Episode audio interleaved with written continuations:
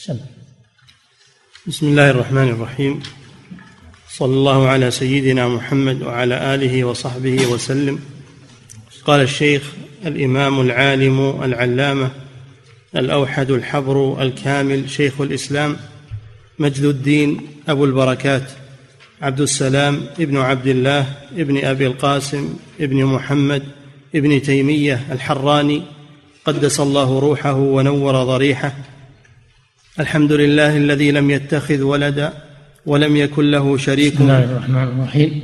الحمد لله رب العالمين. صلى الله وسلم على نبينا محمد وعلى آله وأصحابه أجمعين. هذا الكتاب كتاب المنتقى من أحاديث الأحكام أو من أدلة الأحكام هو من تأليف الإمام أبي البركات مجد الدين بن عبد السلام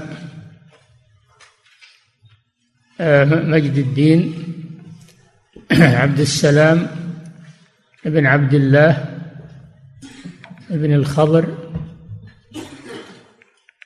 ابن تيمية الحراني.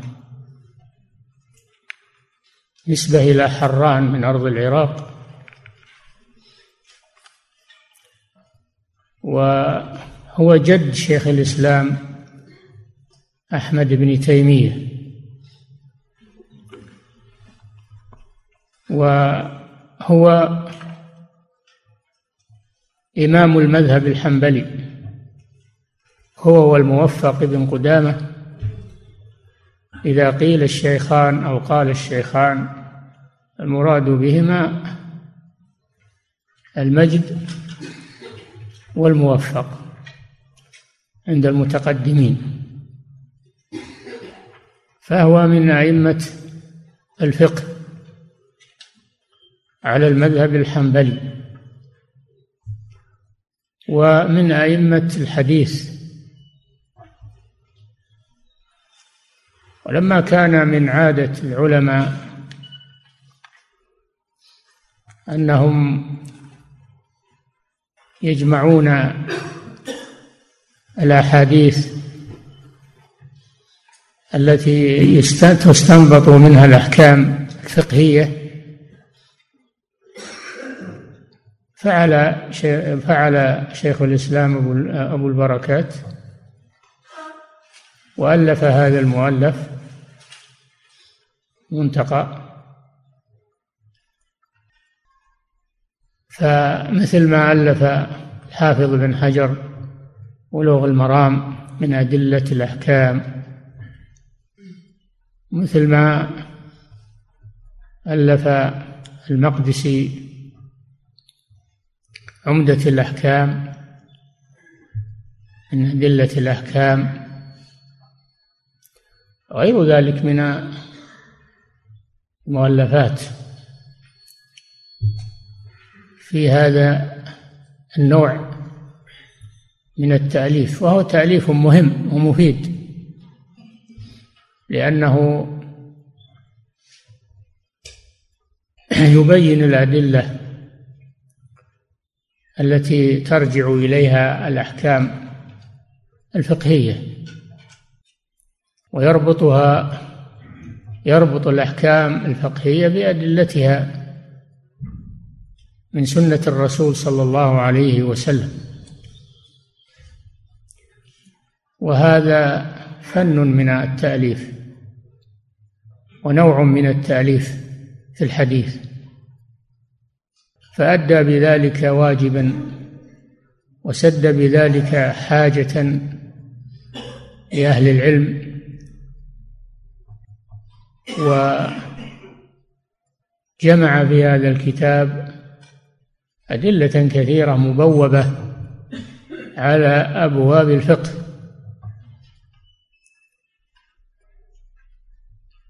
فخدم بذلك هذا الفن العظيم. ربط الأدل ربط الأحكام الفقهية بأدلتها. من سنة الرسول صلى الله عليه وسلم.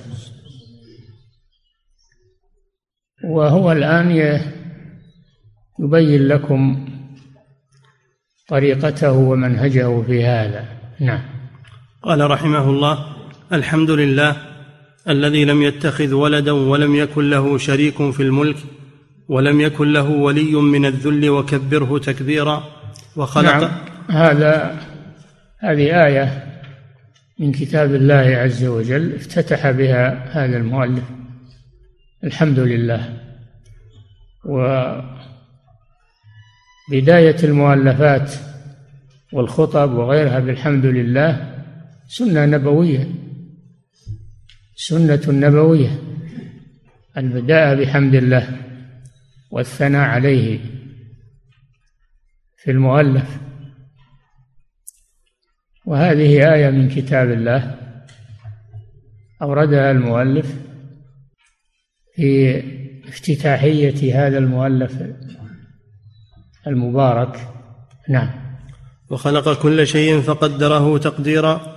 خلق كل شيء. الله خالق كل شيء. هو على كل شيء وكيل.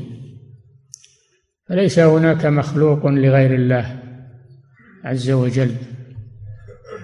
كل المخلوقات كلها الله خالقها وربها ومدبرها فهو المتفرد بالخلق.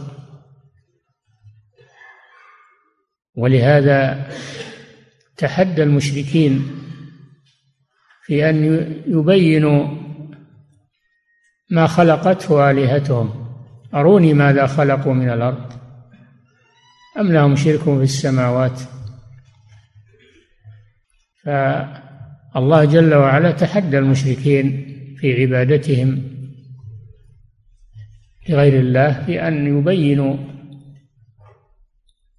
ما خلقته آلهتهم حتى يستحقوا العبادة. فلما لم يأتوا لما لم يأتوا بشيء من هذا دل على أنها مخلوقة. أن هذه المعبودات مخلوقة. لا تستحق العبادة. فمن يخلق كمن لا يخلق فلا تذكرون. خلق كل شيء. فقدره تقديرا. كل شيء الله جل وعلا قدره. قدر خلقته. تقديرا معجزا. لم يجعل المخلوقات على نمط واحد هي مختلفة. كل شيء له خلقته التي تناسبه. وأيضا قدره تقديرا أي قضاه سبحانه وأراده. فيه إثبات القدر. نعم إنا كل شيء خلقناه بقدر. نعم. وصلى الله على محمد. بعد بعد أن حمد الله صلى على نبيه محمد صلى الله عليه وسلم. وهذا أيضا من آداب الخطب. بعد حمد الله يؤتى بالصلاة على النبي صلى الله عليه وسلم. والصلاة من الله على نبيه ثناؤه عليه في الملأ الأعلى. نعم. وصلى الله على محمد النبي الأمي المرسل. النبي الأمي. النبي من النبأ وهو الإخبار لأنه يخبر عن الله سبحانه وتعالى سمي نبيا وفي قراءة النبي بالهمز أي آه النبي بالهمز من النبوة وهي الارتفاع. لأن النبي مرتفع القدر عند الله سبحانه وتعالى. والنبي أيضا يدخل فيه الرسول. النبي أعم من الرسول. كل رسول فهو نبي وليس كل نبي رسولا. فالنبي يعم الرسول والفرق بين النبي والرسول أن النبي يبعث بشريعة من قبله كأنبياء بني إسرائيل وأما الرسول فيوحى إليه بشرع جديد يوحى إليه بشريعة جديدة كالتوراة والإنجيل والقرآن و... نعم. النبي الأمي. الأمي هذا من صفات الرسول صلى الله عليه وسلم ومعجزاته. والأمي معناه الذي لا يقرأ ولا يكتب. الذي لا يقرأ ولا يكتب. هذه صفة نبينا محمد صلى الله عليه وسلم. أنه لا يقرأ حتى يقال أنه قرأ في الكتب السابقة وجاء منها بما جاء فهو لا يقرأ. وما كنت تتلو من قبله من كتاب ولا تخطه بيمينك ما كان يكتب عليه الصلاة والسلام. ومع هذا جاء بهذا الكتاب المعجز للبشرية والجن والإنس وهو لا يقرأ ولا يكتب. دل على أنه من عند الله سبحانه وتعالى. فهذه صفة النبي صلى الله عليه وسلم النبي الأمي. هكذا وصفه الله في القرآن النبي الأمي. نعم. النبي الأمي المرسل كافة للناس. كانت رسالة الرسل قبله خاصة بأممهم. وأما هذا النبي محمد صلى الله عليه وسلم فرسالته عامة لجميع الناس ويدخل في ذلك اليهود والنصارى وغيرهم. فرسالته عامة. قال تعالى وما أرسلناك إلا كافة للناس بشيرا ونذيرا. قال تعالى وما أرسلناك إلا رحمة للعالمين. للعالمين. ليس للعرب فقط. قال تعالى قل يا أيها الناس إني رسول الله إليكم جميعا. رسالته عامة. ولهذا قال صلى الله عليه وسلم كان النبي يبعث في أمته خاصة وبعثت إلى الناس عامة. فبلغ الرسالة عليه الصلاة والسلام بلغت رسالته المشارق والمغارب وقامت بذلك حجة الله على خلقه. ولا بد من الشهادة له بعموم الرسالة. فمن قال نعم هو رسول الله لكن ليست رسالته عامة كما تقوله اليهود والنصارى. فهذا كافر هذا كافر بالله ومكذب لله. سبحانه وتعالى. ولهذا قال صلى الله عليه وسلم لا يسمع بي يهودي ولا نصراني ثم لا يؤمن بالذي جئت به إلا دخل النار. فالذي يقر برسالته لكنه لا يقر بعمومها هذا كافر بالله ورسوله ومكذب لله ورسوله. نعم. المرسل كافة للناس بشيرا ونذيرا. بشيرا لأهل الطاعة ونذيرا لأهل المعصية. بشيرا لأهل الطاعة بالجنة ونذيرا لأهل الكفر والمعاصي بالنار. نعم. وعلى آله وصحبه وسلم تسليما كثيرا. لما صلى على النبي صلى الله عليه وسلم صلى على آله وصحبه. والآل المراد بهم قرابته صلى الله عليه وسلم المؤمنون من قرابته صلى الله عليه وسلم. وصحب جمع صحابي وهو من لقي النبي صلى الله عليه وسلم مؤمنا به ومات على ذلك. هذا هو الصحابي. نعم. هذا كتاب يشتمل على جملة من الأحاديث النبوية. هذا كتاب الذي معكم هذا يشتمل على جملة من الأحاديث النبوية كمية من الأحاديث النبوية الواردة عن الرسول صلى الله عليه وسلم. نعم. يشتمل على جملة من الأحاديث النبوية التي ترجع أصول الأحكام إليها. هذا هو الغرض من جمع هذه الأحاديث ترجع أصول الأحكام الفقهية إليها. وكل مسألة فقهية ليس لها دليل فإنها مردودة. وأما ما لها دليل من السنة أو من القرآن فهي مقبولة.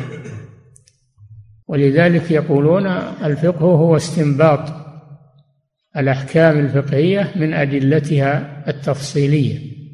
نعم. التي الأحاديث النبوية التي ترجع أصول الأحكام إليها ويعتمد علماء أهل الإسلام عليها. نعم الفقهاء يعني يعتمد الفقهاء عليها في الأحكام أحكام الطهارة أحكام الصلاة أحكام آه، الزكاة أحكام الصيام أحكام الحج أحكام المعاملات أحكام الجهاد. نعم. انتقيتها من صحيحي البخاري ومسلم. انتقيتها اخترتها؟ من الصحيحين. اللذين هما أعلى درجة في الحديث. صحيح البخاري صحيح مسلم. يقال لهما الصحيحان لأن البخاري ومسلما رحمهم الله اشترطا فيما يضعانه في هذين الكتابين الصحة. اشترط الصحة. نعم. ومسند الإمام أحمد بن محمد بن حنبل. المسند نوع من تأليف في الحديث والمسندات كثيرة أشهرها وأعظمها مسند الإمام أحمد. والمسند معناه أن يذكر لكل صحابي ما ورد عنه من الأحاديث. يذكر كل الأحاديث الواردة مثلا عن أبي بكر ثم يذكر الأحاديث الواردة عن عمر إلى آخره. فيجعل لكل صحابي مسندا يذكر فيه ما ورد عنه مما رواه عن رسول الله صلى الله عليه وسلم. ولا يشترط الصحة يجمع ما ورد. ثم بعد ذلك تأتي التنقية والنظر في الأسانيد. نعم. وجامع أبي عيسى الترمذي. نعم بعد المسند السنن الأربع. الجامع لأبي عيسى الترمذي. لأنه جمع فيه ما اقتصر على أحاديث الأحكام وإنما جمع فيه الأحاديث في العقائد وفي ما ورد عن الرسول صلى الله عليه وسلم. هذا هو الجامع. نعم. وكتاب السنن لأبي عبد الرحمن النسائي. كتاب السنن الكبرى لأبي عبد الرحمن النسائي وهو كتاب جليل. احتفل به العلماء واعتنوا به لشموله وكثرة ما فيه من الأحاديث وعنايته به. فهو كتاب جليل في في في الأحاديث. آه، السنن الكبرى. وبعده المجتبى وهو مختصر مختصر منه من السنن الكبرى. وقد طبعت السنن الكبرى والحمد لله وتوفرت بأيدي الناس. نعم. وكتاب السنن لأبي داود السجستاني. نعم. السنن الثانية سنن أبي داود الإمام سليمان بن الأشعث السجستاني نسبة إلى سجستان من بلاد المشرق وهو كتاب جليل. حافل بالأحاديث. نعم. وكتاب السنن لابن ماجه القزويني. كتاب السنن هذا الثالث من من كتب السنن. لابن ماجه القزويني نسبة إلى قزوين من بلاد المشرق. نعم. واستغنيت بالعزو إلى هذه المسانيد عن الإطالة بذكر الأسانيد. نعم. واستغنيت بالعزو إلى هذه المسانيد؟ يقول إني أقتصر على ذكر لفظ الحديث فقط ولا أذكر سنده لئلا يطول لئلا خشية التطويل ولأن أسانيدها مدونة يرجع إليها في مظانها. نعم. واستغنيت بالعزو إلى هذه المسانيد عن الإطالة بذكر الأسانيد؟ والعلامة لما رواه البخاري آه، منهجه في في تخريج هذه الأحاديث. نعم. والعلامة لما رواه البخاري ومسلم أخرجاه. نعم. أخرجاه معناه رواه البخاري ومسلم. نعم. ولبقيتهم رواه الخمسة. لبقيتهم أي السنن الأربع ومسند الإمام أحمد. يقول رواه الخمسة. نعم. ولهم سبعتهم رواه الجماعة. فإذا انضاف إليهم البخاري ومسلم قال رواه الجماعة. أصحاب الكتب السبعة الصحيحان والمسند والسنن الأربع. نعم. ولأحمد مع البخاري ومسلم متفق عليه. نعم متفق عليها. يعني بين البخاري ومسلم وأضاف إليهم آه الإمام أحمد بن حنبل رحمه الله. وهو شيخ الجميع الإمام أحمد هو شيخ الجميع شيخ للبخاري ومسلم والترمذي وأبي داود و... نعم. وفيما سوى ذلك أسمي من رواه منهم ولم أخرج. وأحيانا إذا كان رواه واحد من أصحاب هذه الكتب سماه. رواه رواه ابن ماجه رواه الترمذي رواه نعم. ولم أخرج فيما عزوته عن كتبهم إلا في مواضع يسيرة. نعم ما تعدى هذه الكتب السبعة إلا في مواضع كثيرة. قد يذكر أحاديث ليست فيها من غيرها من كتب الحديث لأن كتب الحديث كثيرة. نعم. وذكرت في ضمن ذلك شيئا يسيرا من آثار الصحابة. نعم يتبع ذلك أيضا بما ورد عن الصحابة من كلام الصحابة رضي الله عنهم. لأن قول الصحابي حجة ما لم يخالفه صحابي آخر. فيأتي قول الصحابي بعد أحاديث الرسول صلى الله عليه وسلم. نعم. ورتبت الأحاديث في هذا الكتاب على ترتيب فقهاء أهل زماننا. نعم أولا كتاب الطهارة ثم كتاب الصلاة ثم إلى آخره. هذا ترتيب الفقهاء بداية بالطهارة ونهاية بكتاب القضاء. نعم. ورتبت الأحاديث في هذا الكتاب على ترتيب فقهاء أهل زماننا لتسهل على مبتغيها. وترجمت نعم. لتسهل على مبتغيها. نعم لتسهل يعني إذا كنت في باب الجهاد مثلا تقرأ بغيت دليل على الجهاد ترجع إلى هذا. إذا بغيت دليل على الصلاة كذلك ميسرة مقربة لك أمامك في هذا الكتاب. ما يحتاج أنك تجمع هذه الكتب السبعة كلها عندك. نعم.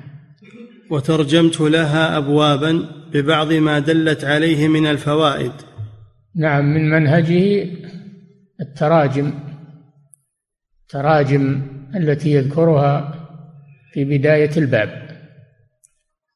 يأخذ من معانيها ترجمة. يأخذ من معانيها ترجمة ويضعها في أول الباب من فقهها. نعم. ونسأل الله عز وجل أن يوفقنا للصواب ويعصمنا من كل خطأ وزلل إنه جواد كريم. هذا فيه عدم تزكية النفس وأن الإنسان بحاجة إلى توفيق الله سبحانه وتعالى وأنه عرضة للخطأ. نعم. كتاب الطهارة أبواب نعم. المياه. نعم لما كانت الصلاة هي الركن الثاني من أركان الإسلام بعد التوحيد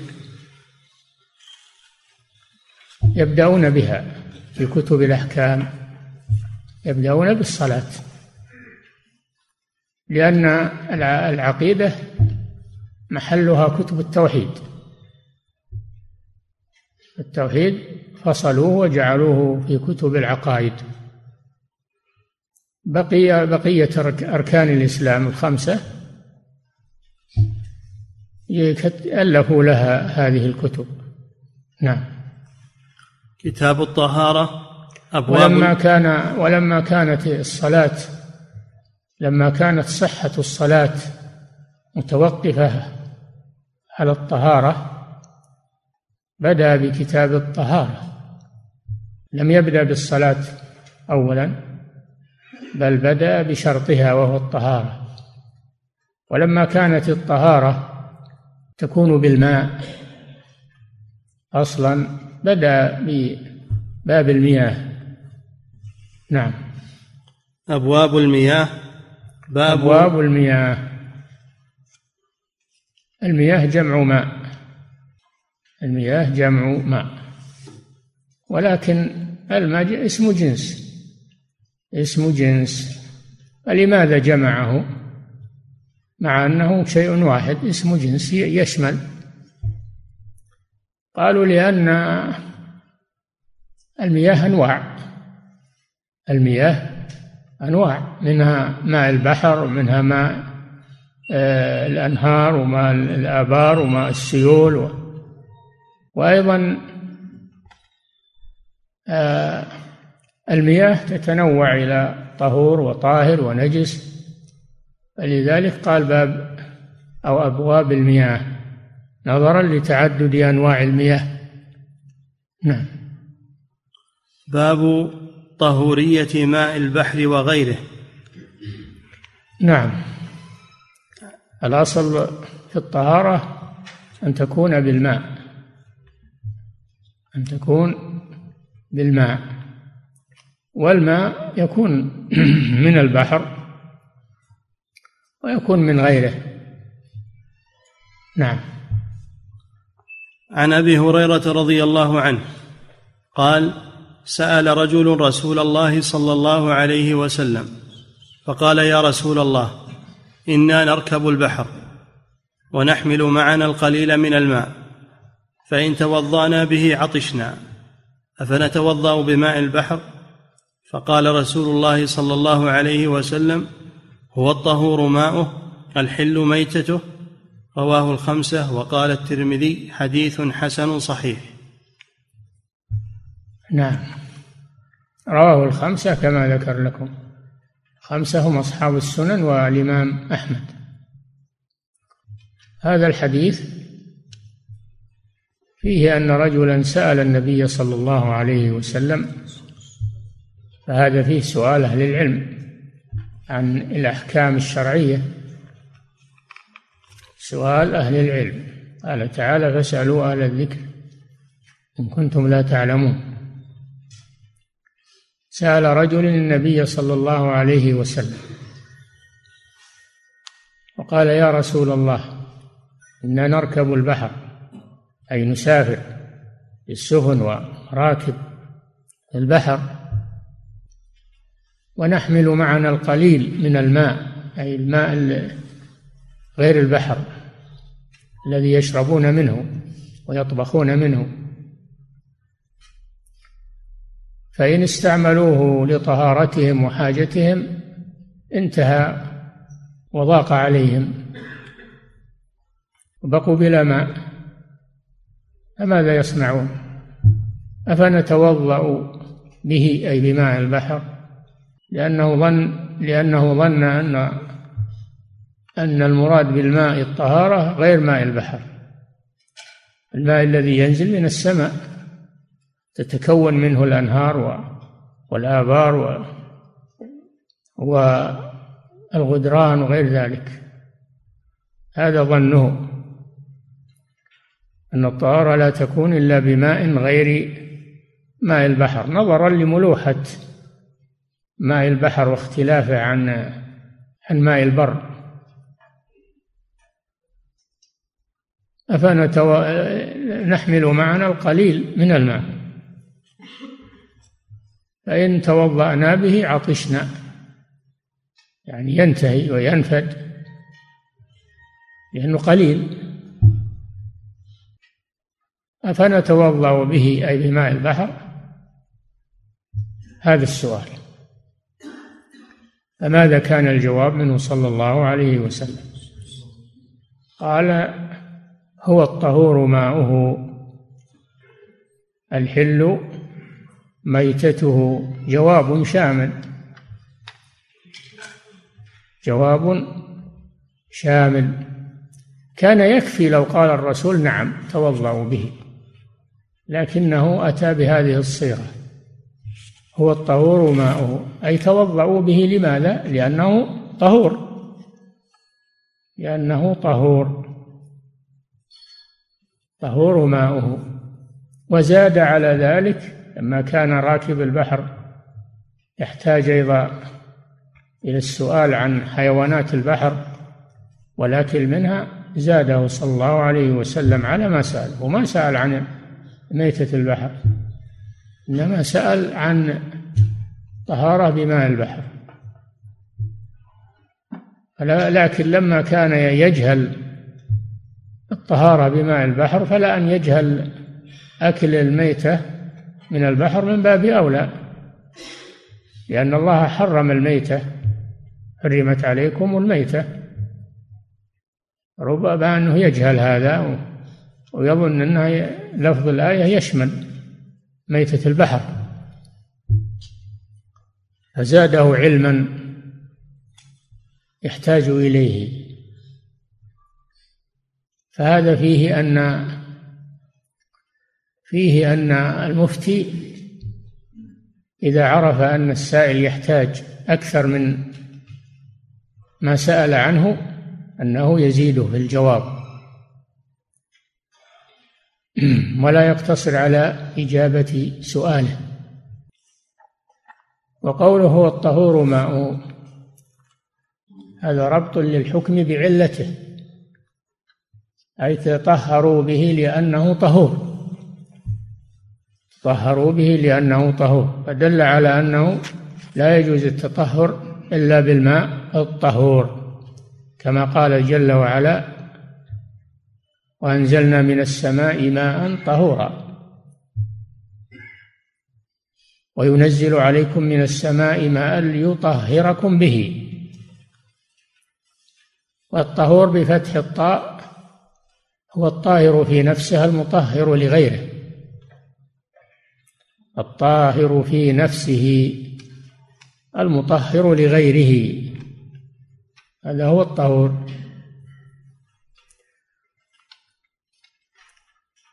وأما الطاهر فهو الطاهر في نفسه ولا يطهر غيره. وأما طهور بضم الطاء فهو المصدر تطهر طهورا. مصدر مصدر تطهر. وقولها الحل ميتته.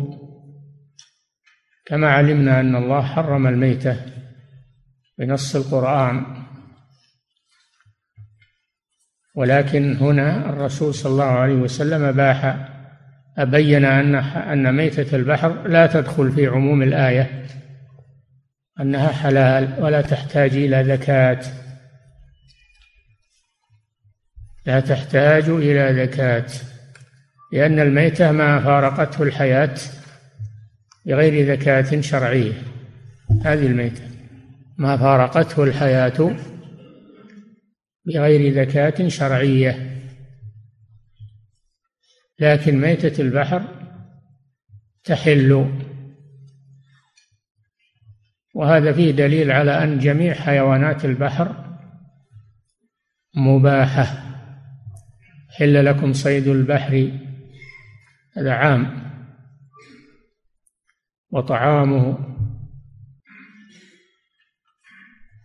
وفي الحديث الآخر حلت لنا ميتتان ودمان أما الميتتان السمك والجراد وأما الدمان الكبد والطحال. هذا استثنى من عموم تحريم الميتة والدم. وهذا فيه تيسير على الذين يركبون البحر لأنهم يأكلون من من حيواناته. سواء صادوها وهي حية وماتت بعد الصيد أو أنهم وجدوها ميتة على البحر طافية أو غير طافية يأكلون منها. فهذا حديث عظيم فيه فوائد جمة. نعم.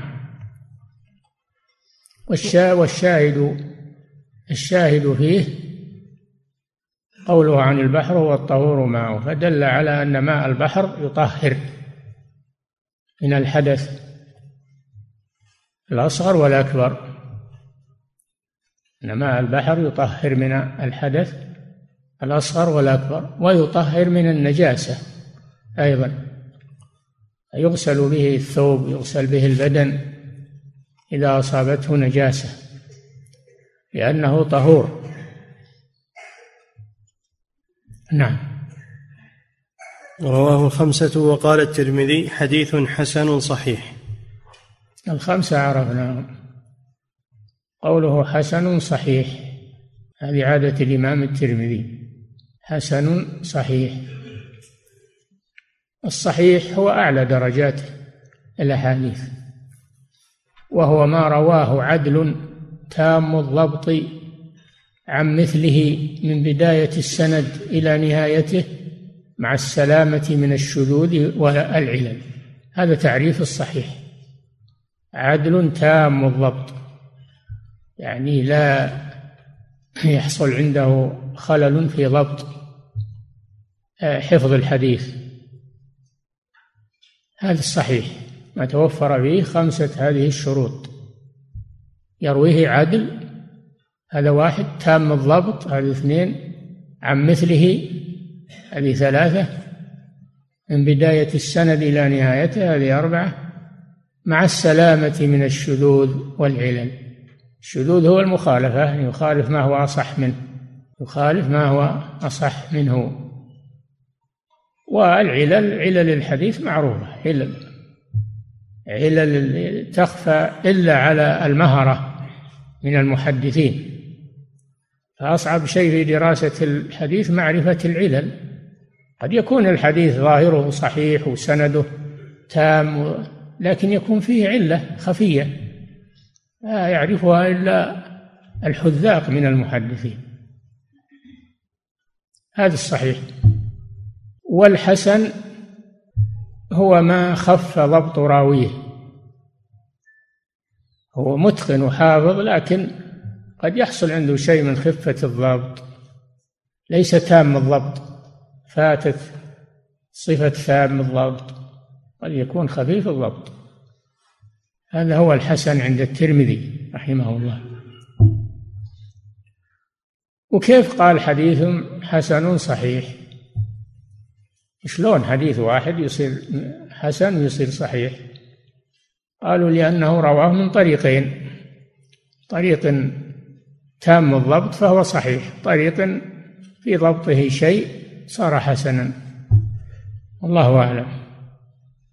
نعم. وعن أنس بن مالك رضي الله عنه قال رأيت رسول الله صلى الله عليه وسلم وحانت صلاة العصر فالتمس الناس الوضوء فلم يجدوا فأتي رسول الله صلى الله عليه وسلم بوضوء فوضع رسول الله صلى الله عليه وسلم في ذلك الإناء يده وأمر الناس أن يتوضأوا منه فرأيت الماء ينبع من تحت أصابعه حتى توضأوا من عند آخرهم متفق عليه ومتفق على مثل معناه من حديث جابر بن عبد الله. نعم هذا الحديث من معجزاته صلى الله عليه وسلم. هذا من معجزاته صلى الله عليه وسلم. أن الماء القليل إذا وضع فيه يده كثر وكفى الفئام من الناس. هذا من معجزاته صلى الله عليه وسلم ومن بركته عليه الصلاة والسلام. قوله حانت صلاة العصر يعني حضرت التمس الناس الماء بحثوا عنه. هذا فيه دليل على البحث عن الماء للمسافر إنه ما يبادر ويتيمم حتى يبحث عن الماء حوله وبقربه ويسأل من عنده أو حوله. يبحث عنه أولا فإذا لم يجد ماء فإنه يتيمم. التمس الناس الماء فلم يجدوا. ثم أتي النبي صلى الله عليه وسلم بوضوء يعني قليل يكفي واحد مثلا. يكفي واحد وهم جيش. كيف يتوضؤون؟ وضع صلى الله عليه وسلم يده الشريفة في الماء. القليل هذا؟ وضع فيه يده. من أجل أن يزيد يكفي ببركة يده صلى الله عليه وسلم. فحصل ذلك وجعل الماء يزيد ويفور من بين أصابعه صلى الله عليه وسلم حتى توضأ الناس كلهم. فهذا من معجزاته صلى الله عليه وسلم ومن بركته صلى الله عليه وسلم. لماذا أورده المؤلف هنا؟ يستدل به على أن الماء المبارك لا بأس باستعماله في الطهارة. الماء المبارك ما يقال هذا ماء مبارك ويرفع عن الاستعمال في الطهارة لا. فهذا ماء مبارك ومع هذا توضأوا به بأمره صلى الله عليه وسلم.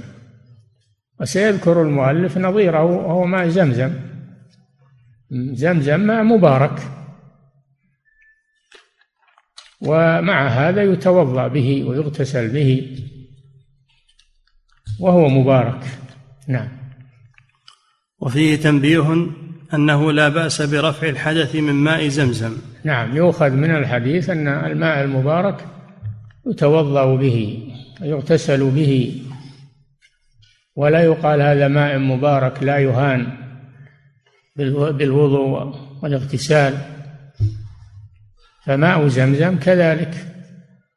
توضأ به واغتسل منه لأنه مثل الماء الذي نبع من بين أصابعه صلى الله عليه وسلم. كله مبارك. نعم. وفيه تنبيه أنه لا بأس برفع الحدث من ماء زمزم. لأن قصاراه أنه ماء شريف مستشفى متبرك به والماء الذي وضع رسول الله صلى الله عليه وسلم يده فيه بهذه المثابة. نعم لأن قصاراه يعني نهايته أنه ماء مبارك استشفى به ويتبرك به وهذا لا يمنع الوضوء الوضوء به مثل الماء الذي نبع من بين أصابعه صلى الله عليه وسلم.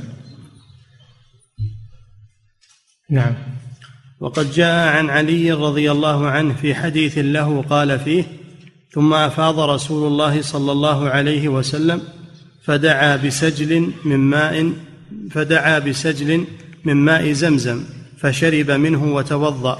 رواه أحمد. هذا صريح بان ماء زمزم يتوضأ منه. فإنه في حجة الوداع. لما أفاض يعني طاف طواف الإفاضة وصلى ركعتي الطواف ذهب عليه الصلاة والسلام ليسعى بين الصفا والمروة فمر على بئر زمزم والناس يسقون منها فأتي بسجل وهو الدلو المملوء من الماء أتي أتي بسجل من ماء زمزم فشرب منه صلى الله عليه وسلم فهذا فيه استحباب الشرب من ماء زمزم. ولو أنت ما أنت بعطشان تشرب منه تعبدا وتبركا به لأنه ماء مبارك ويستشفى به فهو لما شرب له فهو ماء مبارك. ومع هذا توضأ منه الرسول صلى الله عليه وسلم. توضأ منه فدل على أنه لا بأس بالوضوء من ماء من الماء المبارك كماء زمزم والماء الذي نبع من بين أصابعه صلى الله عليه وسلم. نعم. باب طهارة الماء المتوضأ به. نعم. عن جابر بن عبد الله رضي الله عنهما قال جاء رسول الله صلى الله عليه وسلم يعودني وأنا مريض لا أعقل. فتوضأ وصب وصب وضوءه علي متفق عليه. وفي, نعم. وفي حديث صلح الحديبية. نعم. من رواية المسور ابن مخرمة ومروان ابن الحكم ما تنخم رسول الله صلى الله عليه وسلم نخامة إلا وقعت في كف رجل منهم فدلك بها وجهه وجلده. وإذا توضأ كادوا يقتتلون على وضوئه وهو بكماله لأحمد والبخاري. نعم هذان الحديثان فيهما طهارة الماء المستعمل في الوضوء وأن التوضؤ بالماء لا يسلبه الطهارة لا ينجس بذلك لا ينجس بذلك. فهذا الرسول صلى الله عليه وسلم توضأ وصب على جابر بن عبد الله رضي الله عنه من وضوئه لأجل الشفاء بذلك من آثار الرسول صلى الله عليه وسلم. فمع أن الرسول استعمله وتوضأ به دل على أن الماء المتوضأ به لا ينجس وأنه لو أصاب ثوبك أو أصاب بدنك أنه طاهر. أنه طاهر. هذا ما يفيده حديث جابر. وأما في صلح الحديبية الحديبية هي اسم المكان قريب من مكة على حدود الحرم من جهة الغرب. يسمى الآن الشميسي قريبا منه. قصة الحديبية معروفة. النبي صلى الله عليه وسلم خرج من المدينة قاصدا مكة للعمرة. للعمرة هو وأصحابه يريدون العمرة ولكن الله أراد شيئا آخر أعظم من من العمرة. فلما نزل صلى الله عليه وسلم هو وأصحابه بالحديبية قريبا من مكة علم المشركون بقدومهم فمنعوهم من دخول مكة لأنهم يسيطرون على مكة ذاك الوقت. منعوهم من دخول مكة. حاول معهم صلى الله عليه وسلم فأبوا. وكانت المراسيل تتردد بين الرسول صلى الله عليه وسلم وبينهم بين المشركين. تفاوض. وأحد المراسيل حضر عند النبي صلى الله عليه وسلم. يتفاوض معه. فرأى الصحابة يقدرون الرسول صلى الله عليه وسلم. رآهم يقدرون الرسول صلى الله عليه وسلم تمام التقدير يحترمونه. أعجبه ذلك. كان صلى الله عليه وسلم لا يتنخم نخامة من فمه عليه الصلاة والسلام إلا ابتدروها وأخذوها ودلكوا بها جلودهم تبركا بذلك. فهذا دليل على أن ما انفصل من الرسول صلى الله عليه وسلم يتبرك به من الريق ومن الشعر ومن العراق انفصل من جسمه الشريف. أما أن يتبرك بحجرته أو بجدار قبره أو ما هذا لا يجوز. بعد وفاة الرسول صلى الله عليه وسلم انتهى هذا. تبرك بآثار الصالحين هذا لا يجوز. بدعة ووسيلة إلى الشرك. لكن هذا خاص بالرسول صلى الله عليه وسلم. وكانوا إذا إذا قال شيئا استمعوا إلى قوله. وإذا توضأ وهذا محل الشاهد إذا توضأ ابتدروا إلى الماء الذي يتساقط منه صلى الله عليه وسلم يتبركون به. فأعجب هذا الرجل ما شاف هذا مع مع الملوك ولا مع أحد. رجع إلى قومه فأخبرهم قال ما رأيت في الملوك ولا رأيت في الرؤساء. مثل هذا الرجل مع قومه. فنقل لهم هذا المشهد العظيم. وانتهى الأمر بالصلح بين الرسول صلى الله عليه وسلم وبين المشركين على أن يرجع هذه السنة. ثم يعود عليه الصلاة والسلام من العام القادم ويعتمر. وتم الصلح بينه وبينهم على وضع القتال بينه وبينهم. فحصل الفرج للمستضعفين الذين في مكة والذين يريدون الإسلام. صار ما يمنع أحد يذهب إلى المدينة ولا يمنع أحد يسلم بموجب الصلح. فصار هذا الصلح فتحا عظيما.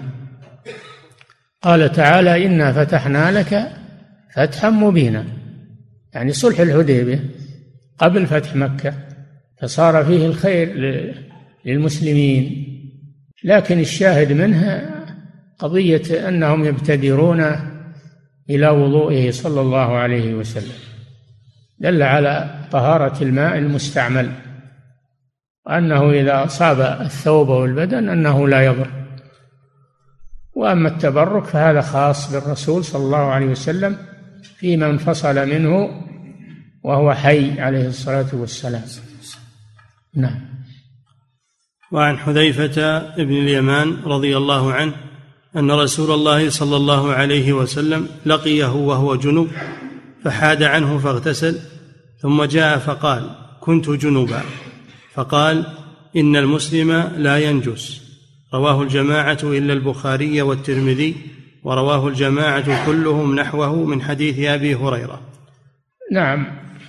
حذيفة بن اليمان الصحابي الجليل رضي الله عنه وأبو هريرة الصحابي الجليل رضي الله عنهما ظن أن الجنوب نجس أن الجنوب نجس. لذلك لما أصابت كل منهما الجنابة اعتزل عن الرسول صلى الله عليه وسلم. خالف العادة أنه يلاقي الرسول صلى الله عليه وسلم ويسلم عليه ويسأله. انخنس فسأله النبي صلى الله عليه وسلم لماذا؟ قال إني كنت جنبا. فقال صلى الله عليه وسلم إن المؤمن لا ينجس. دل على طهارة بدن المؤمن طهارة بدن الآدمي حتى الكافر بدنه طاهر. ولذلك نلبس من ثيابهم ومصنوعاتهم وأوانيهم و... لأن أبدانهم طاهرة إن كانوا كفارا. وأما قوله تعالى إنما المشركون نجس المراد نجاسة الشرك نجاسة معنوية. فالشاهد من الحديث أن المؤمن إذا أحدث يعني حدث أصغر أو أكبر أن بدنه طاهر. وإنما يتعلق الحدث بالبدن فإذا أراد أن يصلي أو يعمل عبادة من العبادات يتطهر لها. أما أنه يجلس مع الناس ويسلم على الناس ويختلط بالناس فلا مانع من ذلك وهو جنب. هذا المراد من الحديث. والله تعالى أعلم وصلى الله وسلم على نبينا محمد على آله وصحبه أجمعين.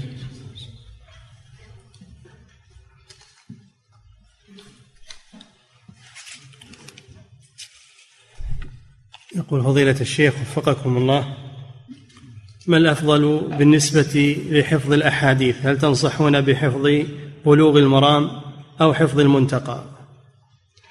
يا إخواني أنا نبهت كم مرة ما هي بالمسألة؟ مسألة الحفظ. مسألة من هو الذي تقرأ عليه ويشرح لك؟ أما مجرد الحفظ ما ما الشريط يحفظ الشريط يحفظ ويسجل. ما, ما هو بالمطلوب الحفظ إلا إذا وجدت من العلماء من تحفظ عليه ويشرح لك يبين لك هذا هو طلب العلم. أما حفظ بدون عالم وبدون طلب للعلم هذا ليس هو المطلوب. نعم. يقول فضيلة الشيخ وفقكم الله ما أفضل الشروح على هذا الكتاب؟ والله ما وجد له شرح إلى الآن إلا نيل الأوطار للإمام الشوكاني. ذكروا له شروح لكن مخطوطة أو ضائعة ما ما وجد له شرح الآن إلا نيل الأوطار. نعم. في شرح منتقى الأخبار. نعم وهو كتاب جيد شرح جيد. نعم. يقول فضيلة الشيخ وفقكم الله يقول الإمام الشوكاني رحمه الله في نيل الأوطار عند شرحه للمقدمة قال الله اسم للذات الواجب الوجود المستحق لجميع المحامد. المستحق لجميع المحامد. يقول هل هذه العبارة صحيحة؟ نعم عبارة صحيحة نعم. العبارة صحيحة. فالله اسم للذات الإلهية لا يسمى به غيره سبحانه وتعالى. لا يطلق هذا إلا على الله جل وعلا. نعم. يقول فضيلة الشيخ وفقكم الله. أما قوله الواجب الوجود هذه من عبارات المتكلمين يريدون آه، أن أنه ليس حادث الوجود مثل المخلوقات لأن المخلوقات حادثة بعد أن لم تكن. وأما الله جل وعلا فإنه لا بداية له ولا نهاية له. الأول فليس قبلك شيء وأنت الآخر فليس بعدك شيء. نعم. يقول فضيلة الشيخ وفقكم الله يعتقد بعض العوام أن الأمية أن الأمية مدح لهم لأن النبي صلى الله عليه وسلم أن إيش؟ يعتقد بعض العوام أن الأمية مدح لهم. لأن النبي صلى الله لا. عليه وسلم. لا غير النبي لا. ما هي مدح لغير النبي. مدح للنبي لأجل إثبات المعجزة. أما أنت ما يصلح تبقى أمي. تعلم يا أخي. الرسول صلى الله عليه وسلم حث على التعلم. ما تبقى أميا. يعني تبقى أمي تصير مثل الرسول؟ لا ما هو صحيح هذا. الرسول له خاصية في هذا. لأجل إثبات معجزته وإثبات رسالته عليه الصلاة والسلام. أما أنت لا بقيت أمي وش نستفيد من أميتك؟ ما نستفيد منها شيء. وأنت ما تستفيد. نعم. يقول فضيلة الشيخ وفقكم الله يقول كيف استخرج مذهب الحنابلة قسما ثالثا من المياه مع أن النصوص وردت في الطهور والنجس دون ذكر للطاهر نعم في مثل هذه الأحاديث الماء المستعمل لا ينجس وكذا. يعني يقولون هذا طاهر وليس بمطهر. ما ذكروا أنه يتطهر به. إنما ذكروا أنه إذا أصاب الثوب والبدن أنه لا يحتاج إلى غسل. نعم. يقول فضيلة الشيخ وفقكم الله هل هناك فرق بين الحديث والأثر؟ الأثر أعم. يطلق الأثر على الحديث ويطلق الأثر على كلام السلف وكلام السابقين. نعم. يقول فضيلة الشيخ وفقكم الله في قول المؤلف رحمه الله في المقدمة نسأل الله أن يعصمنا من كل خطأ وزلل وزلل. يقول ما حكم سؤال الله العصمة؟ نعم طيب هذا. أن الله يعصمك من من الخلل ومن ومن الزلل. هذا دعاء طيب. معصوم عصمه الله. وإلا فأنت عرضة للخطأ. نعم. فضيلة الشيخ وفقكم الله يقول بعض طلبة العلم يقول إن الحمد إنما يكون في الخطب وأما الرسائل والتأليف فيبدأ بالبسملة فهل هذا التفريق صحيح؟ كلاهما يبدأ بالبسملة وبالحمد لله. يجمع بينهما الرسائل وفي الخطب. لكن جرت عادة الناس أنهم ما يذكرون ما يبدأون الرسائل بالحمد. هذه عادة من عادات الناس ولا في مانع. ما في مانع. نعم. يقول فضيلة الشيخ وفقكم الله هل يمكن القول إن مقصود الإمام الترمذي حسن صحيح؟ أن الحسن المقصود به السند والصحيح المقصود به المتن حيث قرأت مثل هذا الكلام؟ والله ما وجدت هالكلام أنا ما أدري. نعم. يقول فضيلة الشيخ وفقكم الله يقول من وجد حيوانا بحريا ميتا على الشاطئ وله رائحة فهل يكون حلالا؟ نعم هو حلال لكن انت بتكره علشان الرائحة. هل أنت مشتهيه علشان رائحته؟ هواك. نعم. يقول فضيلة الشيخ وفقكم الله هل يستثنى من ميتة البحر الحلال الطاهرة هل يستثنى من ذلك الثعابين والضفادع البحرية؟ ظاهر النصوص العموم لكن بعض العلماء يقول ما كان له شبيه في البر من المستخبثات كالحيات و... إنه لا يؤكل.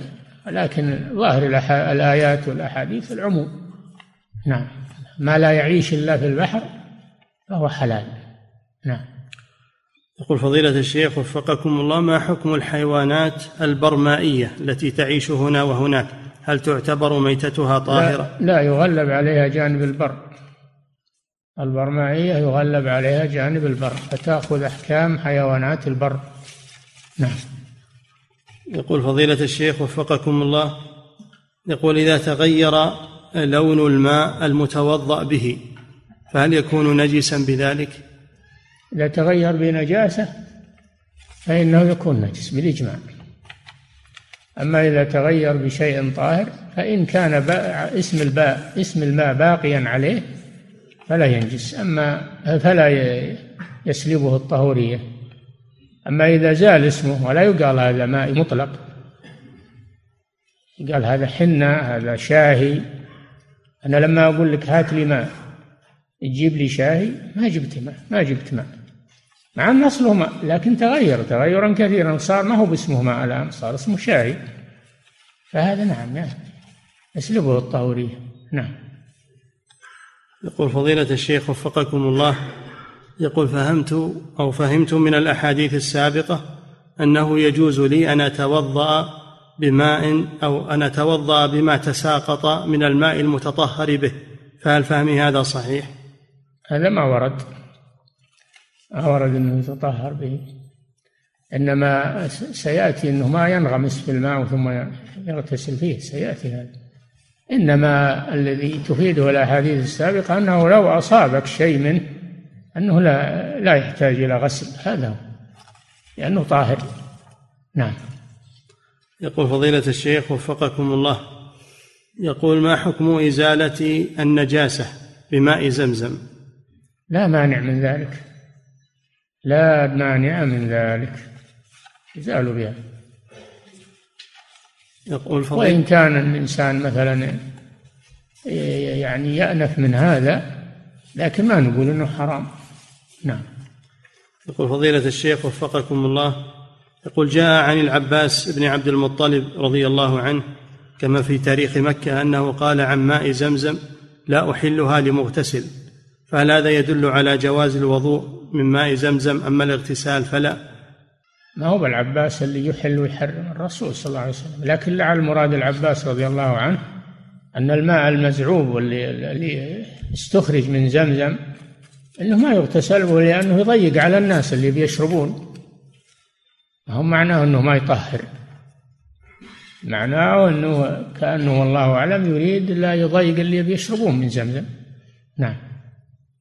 يقول فضيلة الشيخ وفقكم الله هل ماء زمزم عندما ينقل إلى بلاد أخرى يكون حكمه واحد كبئر زمزم الذي في مكة؟ نعم. ماء زمزم هو ماء زمزم في أي مكان. في أي مكان من الأرض هو ماء زمزم. إلا إن كان أنه مسمى زمزم وما هو بزمزم مثل ما يقولون عن بعض اللي يبيعون أنهم يغشون هذا شيء آخر. نعم. يقول فضيلة الشيخ وفقكم الله يقول عندما ينقطع علينا الماء في منطق في منطقتنا لا نجد ماء للوضوء به لكن البحر يبعد عنا حوالي عشر دقائق مشيا على الأقدام فأيهما أولى التيمم أم أن نذهب إلى البحر؟ والله ما دام أنه عشر دقائق قريب والفقهاء يقولون يجب عليه طلب الماء في رحله وقربه هذه دلالة. هذا قريب. تروون منه تجيبون منه خزان ولا شيء معكم. نعم. يقول فضيلة الشيخ وفقكم الله هل النخامة إذا وقعت في إناء يعتبر نجسا لا يتوضأ به؟ لا يا أخي طاهرة. نخامة وما يخرج من الفم غير غير القيء لما يخرج من المعدة وإنما هو من الفم أو من الأنف. هذا طاهر. نعم. يقول فضيلة الشيخ وفقكم الله جاء في كتاب نيل الأوطار هذه الكلمة وقد جاء عن علي كرم الله وجهه. فهل فهل لهذا التخصيص وجه؟ لا. لكنهم تعرفون أن الشوكاني رحمه الله يعيش في اليمن واليمن أكثرهم زيدية. فهم وهم فريق من الشيعة. الزيدية فرقة من الشيعة. فهم يقولون العبارة هذه. تعظيما لعلي. نعم.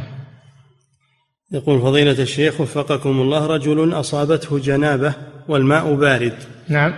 رجل أصابته جنابة والماء بارد فهل يجب عليه أن يسخن الماء أم أنه يكفيه التيمم؟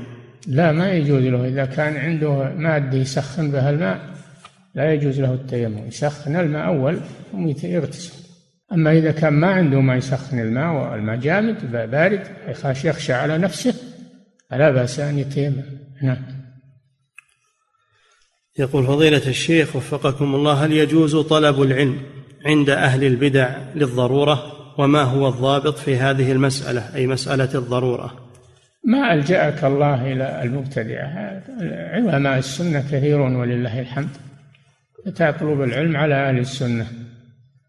نعم. يقول فضيلة الشيخ وفقكم الله هل كان واجبا على العرب بعد عيسى عليه السلام اتباعه؟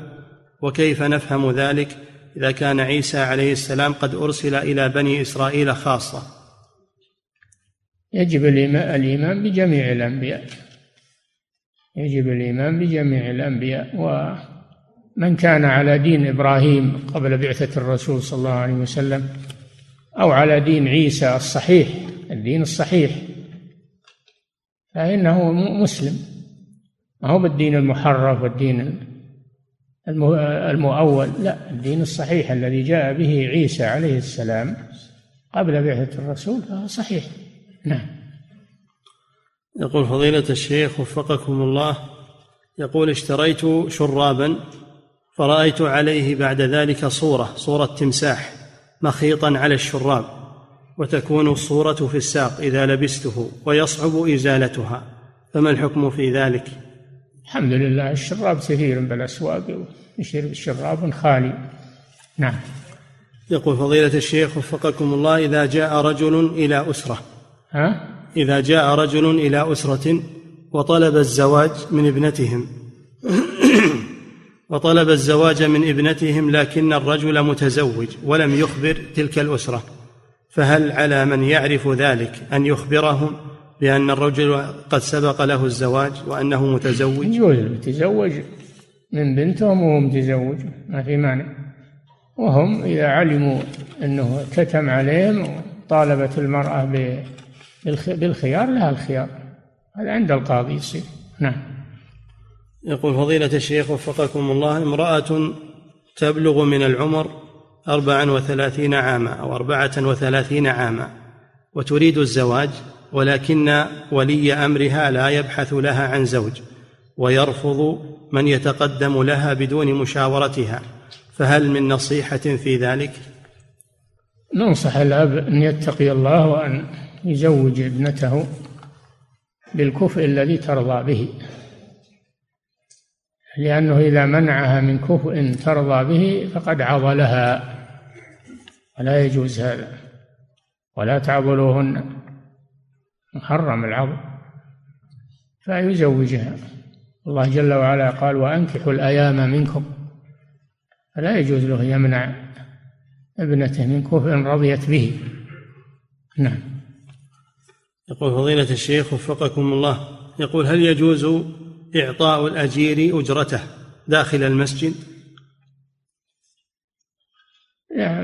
يعني ضيقة إلا المسجد. يعطيه أجرته خارج المسجد. لكن لو فعل هذا وأعطاه بالمسجد ما في بس إنما الممنوع الاستئجار. يقول تشتغل عندي بريال بريالين في المسجد ما يجوز هذا. أما أنه له عليك حق أو دين وتعطيه إياه ما في مانع. نعم.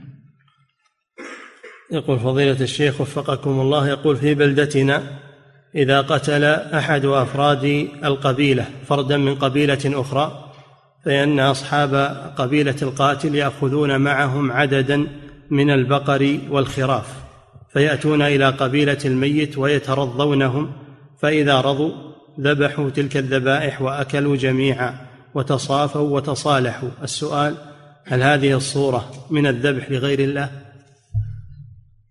إذا ذبحوها باسم غير الله أو ناوين بها الجن أو ناوين إذا ذبحوا لغير الله هذا شرك لا أما إذا ذبحوها لله ولا نووا الجن ولا الشياطين ولا هذا بدعة من البدع.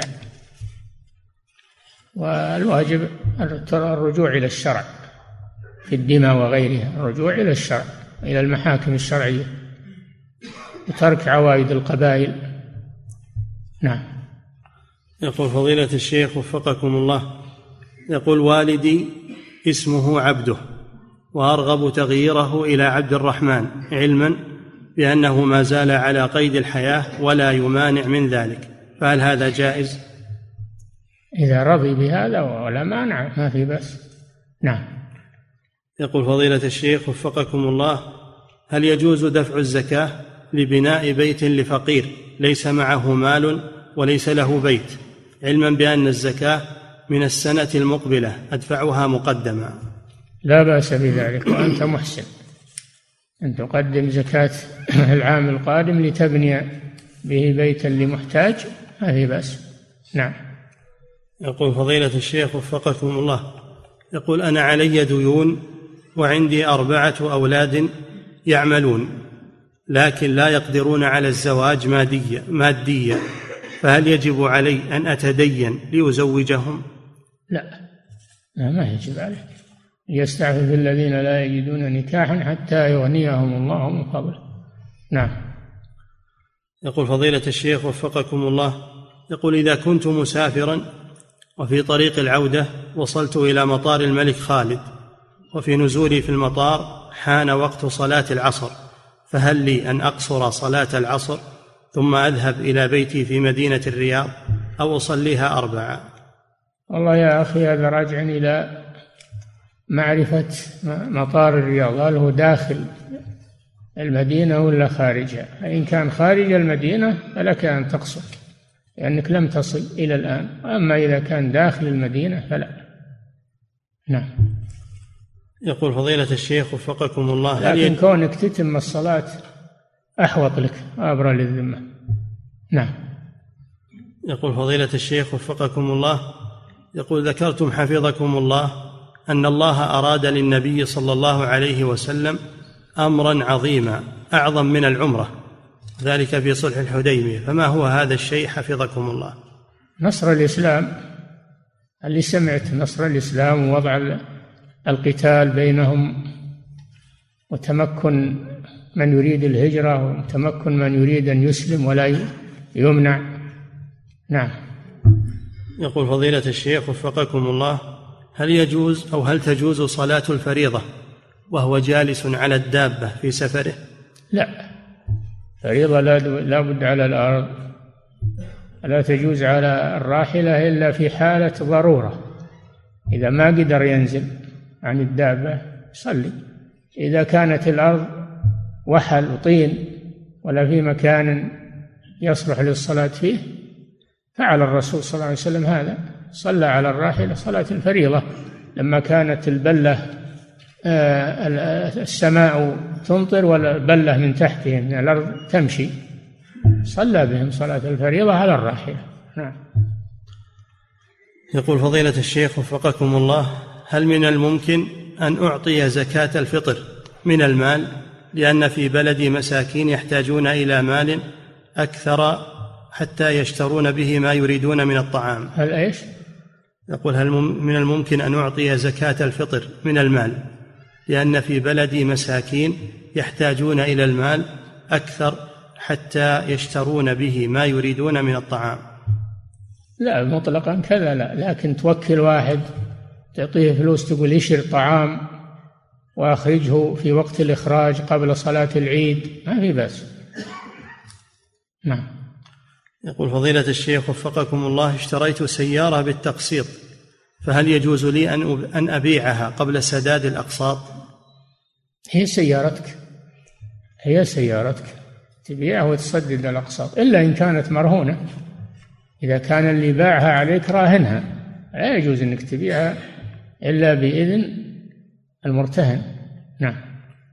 يقول فضيلة الشيخ وفقكم الله يقول عندي أرض عرض عرضتها للبيع وجاء رجل وقبل أن يشتريها وافترقنا على ذلك دون دفع نقود ودون مكاتبة وبعد أيام تراجعت أنا عن بيعها فهل يجوز لي هذا التراجع؟